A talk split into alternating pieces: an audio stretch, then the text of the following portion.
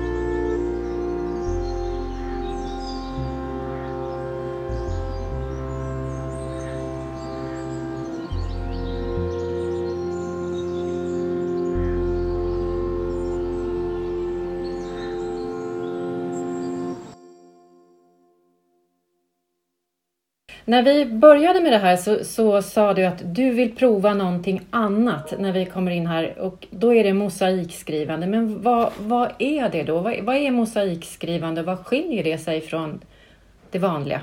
Vad mosaikskrivande i sin korthet är, är ett fragment ett fragmentskrivande, ett bitskrivande. Det vill säga man, man konstruerar någonting av bitar och detta vad man konstruerar kan vara lite vad som helst. Det kan, det behöver, alltså jag menar jag tycker, egentligen har jag döpt det här till mosaik för jag tycker att det är så roligt ord. Men samtidigt så, så berättar det ju också någonting vad en, om man gör en, en textmosaik från början till slut, alltså att om man, om man gör ett sånt verk, hur det fungerar. Alltså att det, delarna förhåller sig alla till varandra samtidigt som de förhåller sig till, någonting större som ett tema, en idé. Det kan vara, vi ska prata lite mer om det här, vad det kan vara och, och jag tror att ni alla som skriver vet precis vad det kan vara och, och så att så. Men, men vi kan ju liksom kanske kort eh, rekapitulera lite sådär, alltså att om man tänker på att vad är det där bitskrivandets historia, sådär, om man vill vara, om vill man sätta in det i en sån ram. Eh, för det första vill jag säga att man kan göra eh, bit, bit, av bitarna kan man göra vad som helst och man kan se på bitskrivande lite hur man vill också. Men eh, om vi tänker litteraturhistoria så har vi, så har vi ju alltså eh, Walter Benjamins passagearbetet som egentligen är det första eh, verket i bitar som också eh, gör en värld, eh, alltså också väldigt medvetet eh, bygger en värld eh, av bitar. Walter Benjamins tanke var det att man skulle vara en så kallad, på engelska heter det rag picker, det vill säga lumpsamlare. Och detta byggde han historia. Och, och, och det blev en, också en mosaik eftersom som en labyrint. Och då kommer jag tänka sig att, att att det som liksom, man, man kan upp, det handlar om tid, att man kan uppfatta olika, få olika slags tidslinjer genom att ställa upp sina bitar eh, i en, som en labyrint så kan du göra skärningar och få, få, få olika tidslinjer. Va? Men det här är högre skolan. Men, men, men i alla fall så det, skulle eh, eh, det, det är väl fundamentet. Så finns det, alltså om man tänker en stor tanke som är den andra tanken är det att man kan uppfatta betskrivande också som en världssyn. De här sammanfaller ju ofta, liksom, att, det vill säga att när du gör en värld som vi kallar det när vi gör, jag brukar säga så här, tänk inte text, tänk värld, och det tänker jag nu för tiden nästan allt skrivande, alltså att vi bygger space, vi bygger utrymme, även om vi gör en, eh, en episk roman, eh, mm, så, så är det världen vi skapar. Men, men då finns det ju också tankar om vad, vad ett sånt här mosaik eller en bit helhet uttrycker. Det vill säga ett slags samhällssyn, världssyn eller livssyn.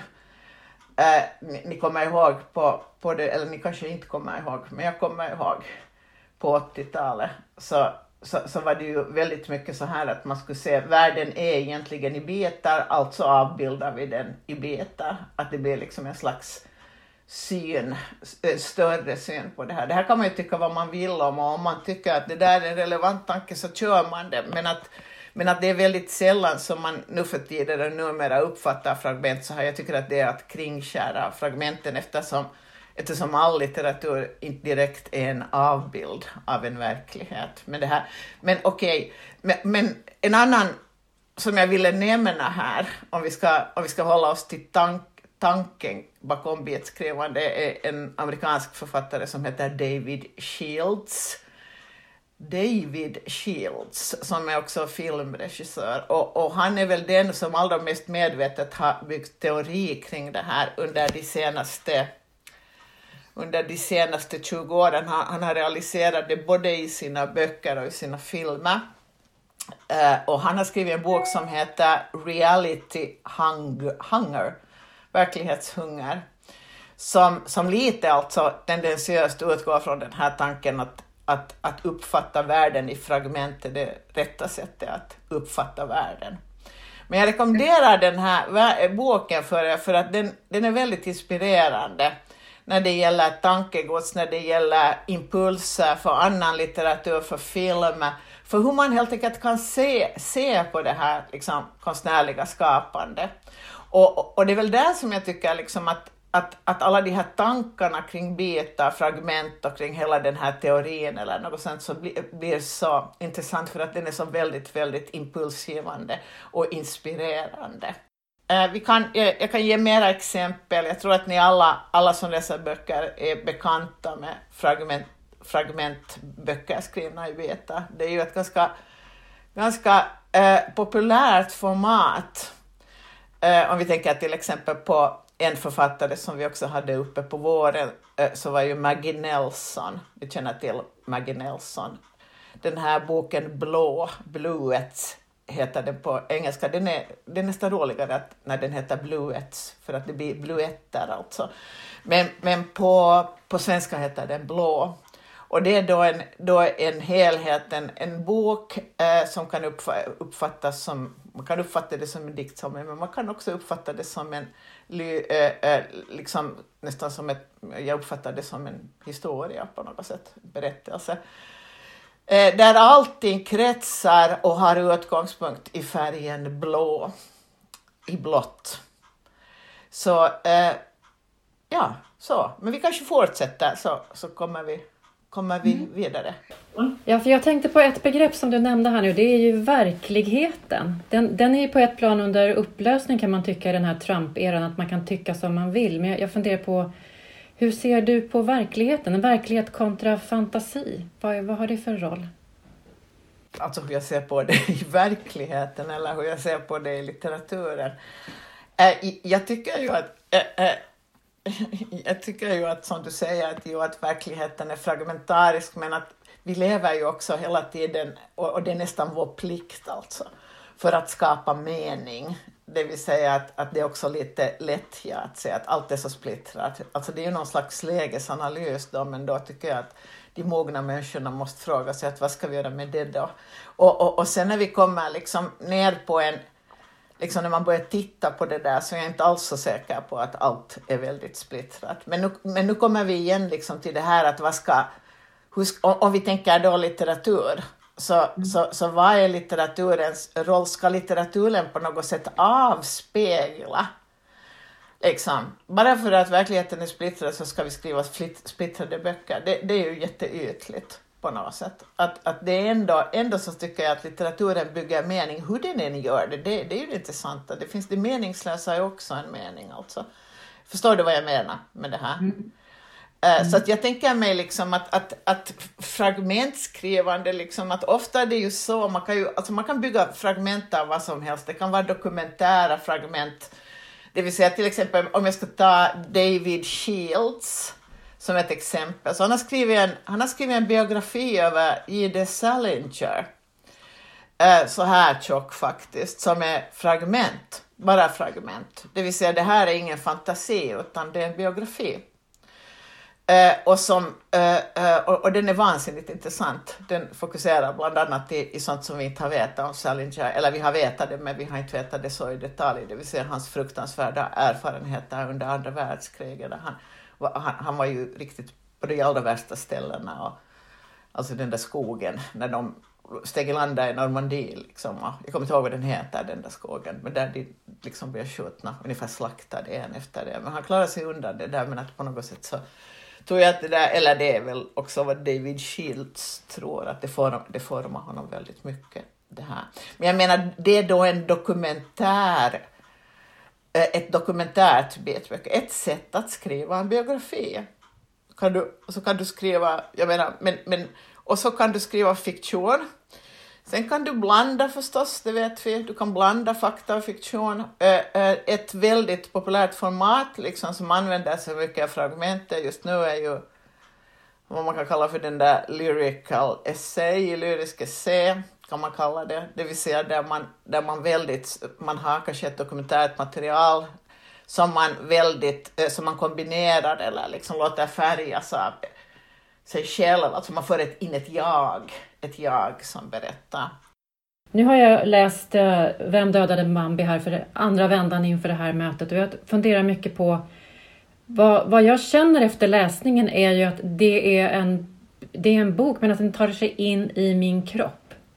Det är en väldigt fysisk eh, läsning. Det är som att jag har nästan fått de erfarenheterna som beskrivs i... Alltså det, det planar ut mellan litter, litterär eh, verk och erfarenheter. Det, det blir som att jag går och andas med dem på de där gatorna och, och jag, jag funderar på hur pass medveten, om vi ändå ska prata om det här, alltså hur man hanterar fragmenten. För att det är ju så många fragment som kommer, som rör sig som cirkulärt på olika nivåer och kommer tillbaka. Och jag tänker att det är som att mitt eget tänkande när jag läste nu så tänkte jag så här, men det kanske är så att, att, det, det blir så, att den här boken är så framlyft nu. Det är som att det är vår tids Virginia Woolf. Jag tänker det här stream of consciousness som kom, kom med den moderna tiden, att vi börjar tänka på det sättet, vi börjar möta folk på gatorna. Och nu på samma sätt så tänker vi på så många nivåer med bloggar och media. Och det är så mycket som är inne i våra medvetanden samtidigt. Och att det faktiskt ryms i boken på ett sätt som gör att jag känner mig närvarande i ja. litteraturen. Är det, så? är det så eller? Ja, det kan hända, men alltså jag, jag tänker så här om all litteratur. Det, jag tror inte att jag har tänkt att den var fragmentarisk från början, utan det handlar lite mer om hur den blev till, men det är en annan historia. Men, men jag tänker liksom att all litteratur är ju inte litteratur. Va? Det vill säga att vi ska komma så nära den där erfarenheten som möjligt och då är frågan hur gör vi det? Uh, då, då, tänker jag alltså ganska mycket när man skriver, så man kan inte börja med att tänka språk och teknik och uppbyggnad och synopsis och sådär, utan det är det organiska skrivandet, du måste gå in i det där skrivandet. Och jag tror ju liksom att, att vi alla har en berättelse liksom att de där berättelserna finns där i oss. Det finns, för att vi tenderar att, vad heter det nu, äh, gestalta vår verk eller liksom göra vår verklighet begriplig i form av berättelser. Det får vi höra hela tiden, men vad det, vad det faktiskt är frågan om är en psykologisk mekanism i vår kropp alltså. Det är inte, mm. det är inte liksom dramaturgisk teori, det är inte, vad heter han som skrev poetiken, va? Aristoteles. Va? Det, äh, utan vad Aristoteles gjorde, att han skrev ner en mekanism i oss. Va? Eh, eh, så att jag tänker liksom att, att, det där, att själva skrivandet handlar om att man ska, man ska man ska göra en organism alltså, av en roman, vad man än gör för en helhet. Liksom. Eh, som, som, som kommer så nära som möjligt. Och det där sker sen liksom på ganska många nivåer. Men i Bambi till exempel så var det jätteviktigt, det där som du säger, att jag är glad att du säger det, för att jag ville ju att det skulle komma upp i ansiktet på folk. Liksom inga, inga skydd och liksom att på något sätt nästan, nästan otäckt om man är så lagd alltså, men, men liksom ofrånkomlig. Och då kan du inte igen heller tänka när du gör språk att nu gör jag språk, nu filar jag meningar, utan du måste skriva dig in i det där. Eh, och då tänker jag med språket, att språkets närhet, det är där det sitter. Och språkets närhet eh, så kommer sig av det går in på allt som ordval, det går in allt på sånt som rytm. Rytm är ju jätteviktigt för att rytmen får in i kroppen. Och, och, och, en av mina stora idoler är ju William Faulkner. Som, som ju gör, eller han skriver många typers böcker, men just när han gör det här typen skrivande, så då, det, går, det går direkt in i kroppen, men att det är ju oerhört medvetet. Så, så att sen om man liksom knökar till det där att först, först skriver man Först skriver man någonting och så skriver man och skriver man om och så kommer man närmare och närmare och närmare och småningom men det är jättelångt fram i processen som man sitter och stryker ord alltså. Men det är ju det man måste göra till sist för att det ska vara så nära, nära, nära som möjligt. Men när ser du att du börjar ha en berättelse då? För jag tänker det här måste ju vara en rädsla som att man... Alla, alltså väldigt många andra skrivarkurser står ju och lär ut det här amerikanska dramaturgin som i själva verket är anpassad till hur långa filmrullarna är i sekvens. Vi har blivit nästan som maskiner i vår syn på dramaturgin. Men du har ju liksom ett annan ingång, tänker jag. Och, och när ska man stå ut med sig själv där då? Alltså jag tycker att dramaturgi är viktigt, men man måste se vad är det och så ska man se dess plats i processen. Det vill säga, hundra böcker, alltså det skrivs så mycket böcker, har skrivit så mycket böcker om dramaturgi idag och största delen av dem är helt och hållet onödiga, tycker jag. Av den anledningen att ni vet själva om ni har läst, ni har säkert alla på något sätt läst den här, böcker, den här typens böcker, att hur ni än studerar det, det där med formatet, inte blir det något bra för den delen vad ni skriver. För att det kommer ingenstans ifrån alltså.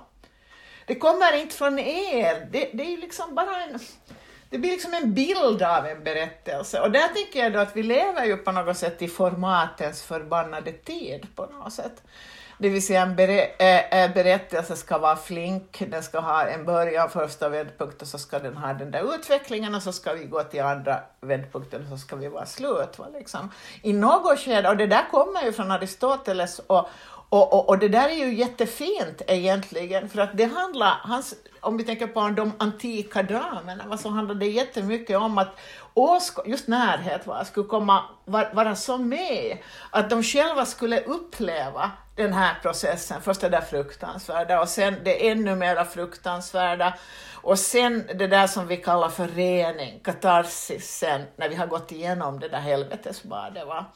Men, men, nu, men om du gör bara format av det där så, så är du inte liksom med, vare sig som författare eller som läsare.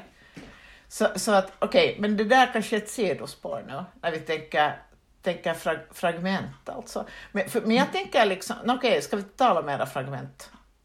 Ja, det är, jag vet inte, alltså på, det, på ett plan så är, det, är ju allt intressant, tänker jag, för det är ju sidospår. Själva mosaikmetoden är ju också att vara öppen för infall, upplever jag, eller hur? Det är exakt vad det handlar om. Och där tänker jag liksom att om vi tänker på metod nu då, man kan ju om man vill äh, göra en bluet.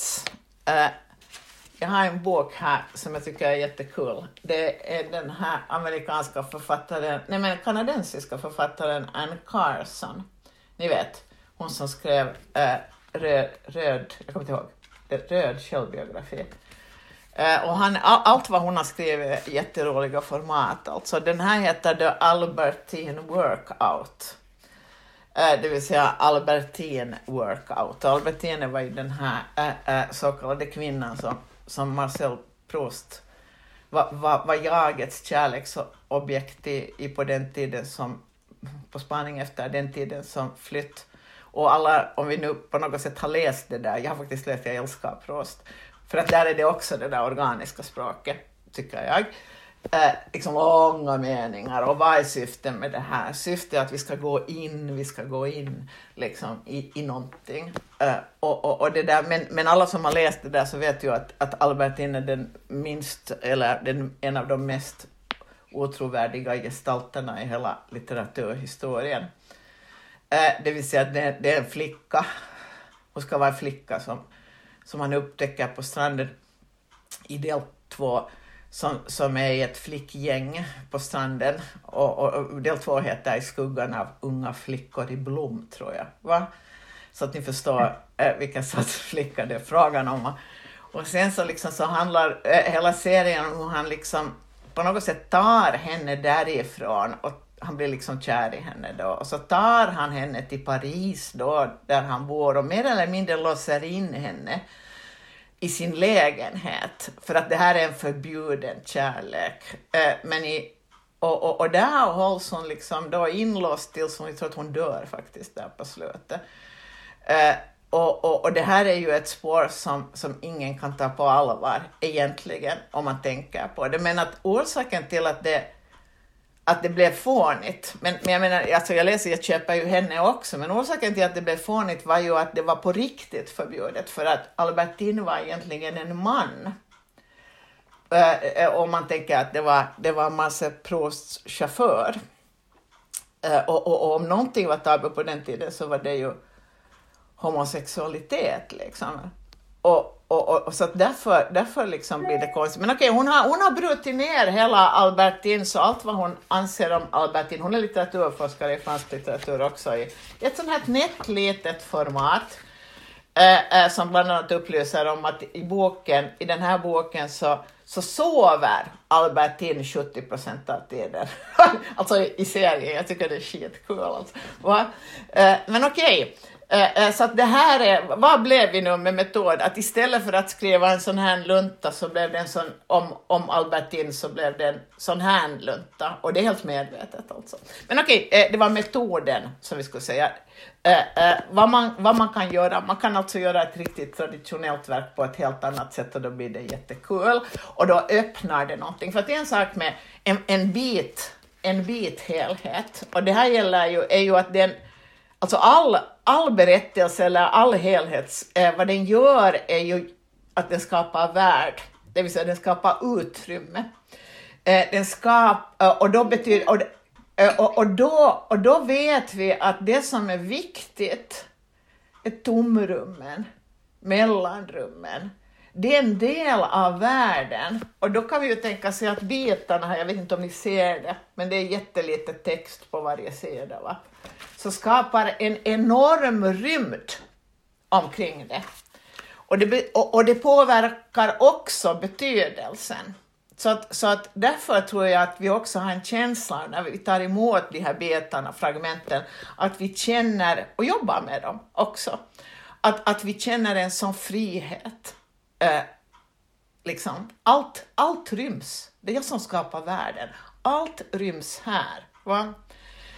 Okej, okay. så, att det, eh, så att vi tänkte på metoden då, så att om man vill skriva en bok eh, som handlar om en biografi eller någonting sådär, så kan man göra på det där viset och jag tycker att det är roligt. Det är, en, det är då en metod direkt att göra en bit, en fragmentarisk berättelse.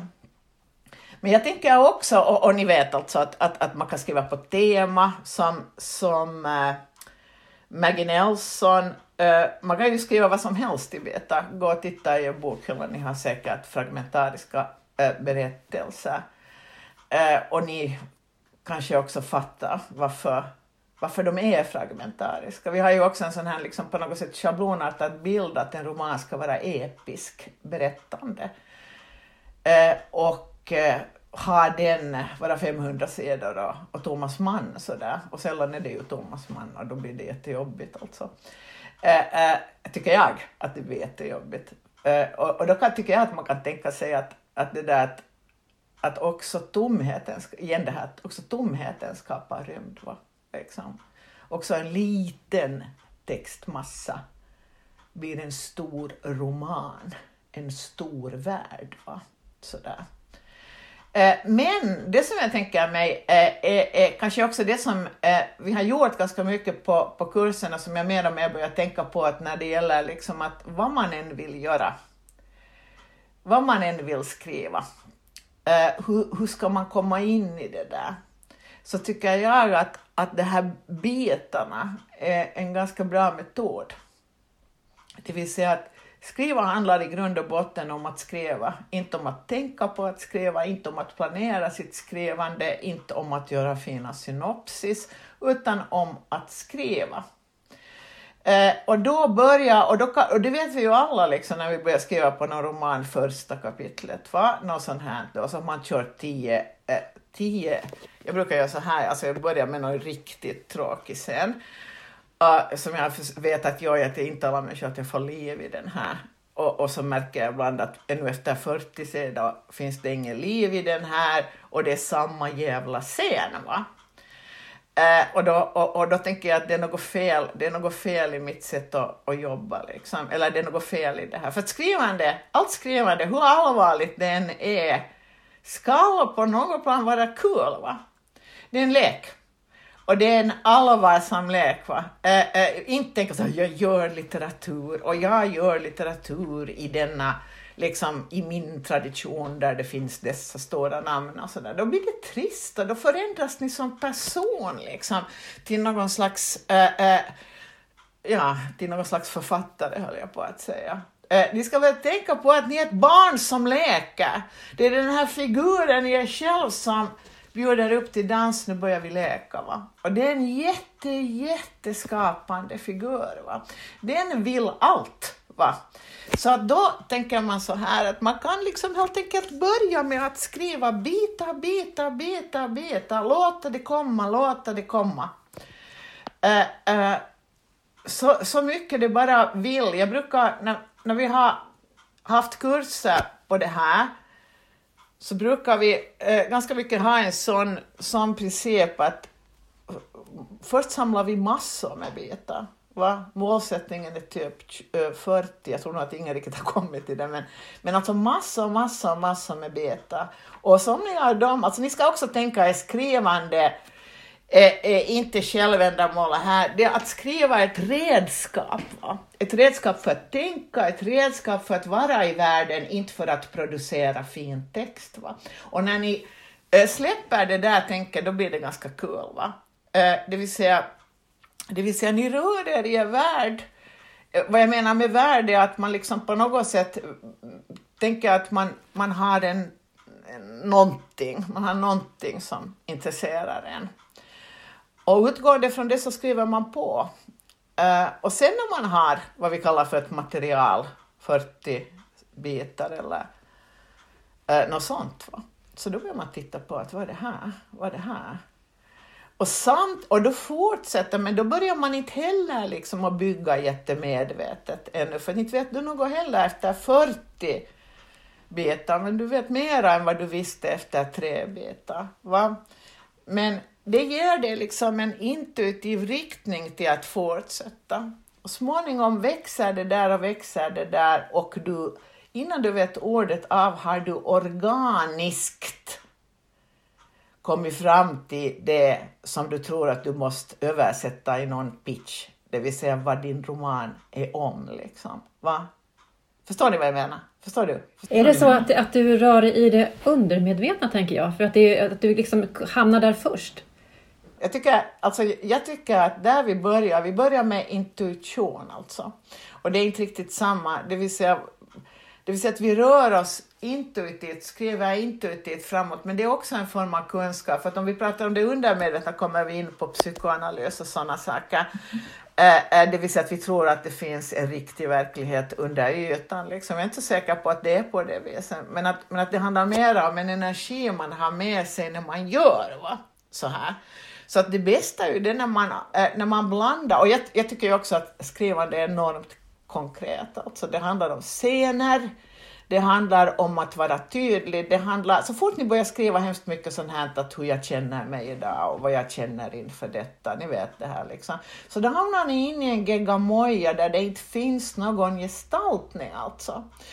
Och, och ett skrivande handlar alltid om att kommunicera och det effektivaste sättet att kommunicera är att ge dig scener, ge dig bilder. Va? Är ni med? Så är det. Mm. Men själva, det här kanske blir, om vi tänker på hela processen, om man tänker från, om man gör en fragmentarisk historia, om man gör en roman eller någonting, eller något annat, så tror jag att det kan vara bra att äh, ha någon slags hum om hur en, hur en skapande process ser ut. Och mm, jag har nu en modell, det finns tusen modeller. Jag tycker att det är jätteviktigt med alla de här tankarna, man ska hålla det enkelt. För att annars hamnar vi i teori och i analys och sådana saker där vi inte ska hamna. Vi ska hamna hela tiden i sånt vi kan använda oss av nu. Va? Eh, men jag tror att det är viktigt att, att tänka så här först att vare sig du gör vad som helst så kan du inte göra allting på en gång. Av den anledningen att Alltså det vill säga, du kan inte skriva en jättegenomarbetad scen med tusen djup och ett jättefint språk och dessutom som har någon slags underströmmar. Det är det där vi söker, vi söker hemligheter, faktor X, det där som vi inte kan tänka fram alltså. Eh, du kan inte göra det in one sitting. Eh, bara någon gång vart femte år när du är i så kallat flow. Liksom. Men då har du också skrivit dig fram till det. Liksom. Du har organiskt kommit fram till det. Uh, uh, men det är ingenting du hänger upp ditt skrivande på helt enkelt. För att uh, det är ju roligt att vara i flow men, men, men då är också krabaten eller den där figuren som leker i det ganska passiv. Den bara lyssnar på, aha nu kommer det här, då kanske jag har det roligt då. Men, men den aktiva krabaten är liksom hela tiden med. Va? Är ni med på det här? Eh, eh, då, då liksom så, eh, så tänker jag att, att det där orsaken till att du inte kan göra det där och ingen författare kan det, ni ska inte tro mig, för, liksom, det är inte något bättre. Sådana författare som skriver en roman på en månad är inte något bättre än sådana författare som skriver en roman på tio år. Allt handlar om vad det blir och alla grejer har sitt eget sätt att bli till och sin egen tid att bli till. Det gäller att vara lyhörd i processerna. Sådär. Det finns inte ett språk, det finns inte det där att man ska hitta sitt språk, det finns flera språk. Det vill säga man alltid plattformar för någonting som leder vidare. Ja, vi ska strax avrunda, men jag tänkte kanske själva hemligheten är att skaffa sig ett förhållningssätt som stämmer överens. Att, också som du brukar prata om, att så gå mot det som bränner, att inte värja sig. Att... Det, det är ju så enkelt, ni ska ju skriva om det som, som, som bränner för er alltså. Eh, och, och nå sina brännpunkter. Helt, och brännpunkter är ofta, alltså det, det som jag tycker att skrivande är att det, det börjar alltid i det ordlösa. Alltså, det, man, det är det som det inte finns ord för, för en själv eller det kan komma till en som toner, det kan komma till en, musik är jättebra liksom, sådär. Uh, uh, och det, ni vet också om ni går in i ert eget huvud något, hur mycket konstiga saker ni har där. Eh, de sakerna är ofta era klenoder. Det vill säga att eh, jag har till exempel en röd boll som studsar omkring i mitt huvud, vi säger så. Och det här är ju inte någonting jag kan gå och berätta för någon på riktigt, för folk tror att jag är galen. Men den här studsande och bollen som jag hör, det är fullt. Eh, eh, det är, och då skriver jag den, alltså jag skriver den röda bollen, jag funderar inte psykoanalytiskt eller psykologiskt på att vad det här är ett uttryck för. Alltså vi, vi, vi är lite liksom för översköljda av all den här psykologin. Vi ska, vi ska liksom genast börja tolka saker och ting. Istället skriver vi ner uh, den där bollen och försöker titta på den så noggrant som möjligt och beskriva den och plötsligt så öppnar det sig. Ofta, ofta är det liksom här koder. Va? Men, det var inte, men att, inte menar jag att ni alla nu då går igång på röda ballongen, men att vad jag säger liksom att ni ska, ni ska använda er av allt ni har, eller man ska använda sig av allt man har och, och, och också ser, alltså gå ut ur er själva liksom väldigt mycket. Om ni håller på att analysera era känslor hela tiden hur det är så hamnar ni in i ett språk som bara låser in er i ett fängelse. Bli intresserade av världen och så går ni ut och kollar lite vad ni ser omkring er och så märker ni att vissa saker faller er i ögat, vissa gör det inte. Vissa saker talar till er och andra gör det inte. Det som talar, det som lever, det är där, det är där, det är de grejerna ni ska ta med.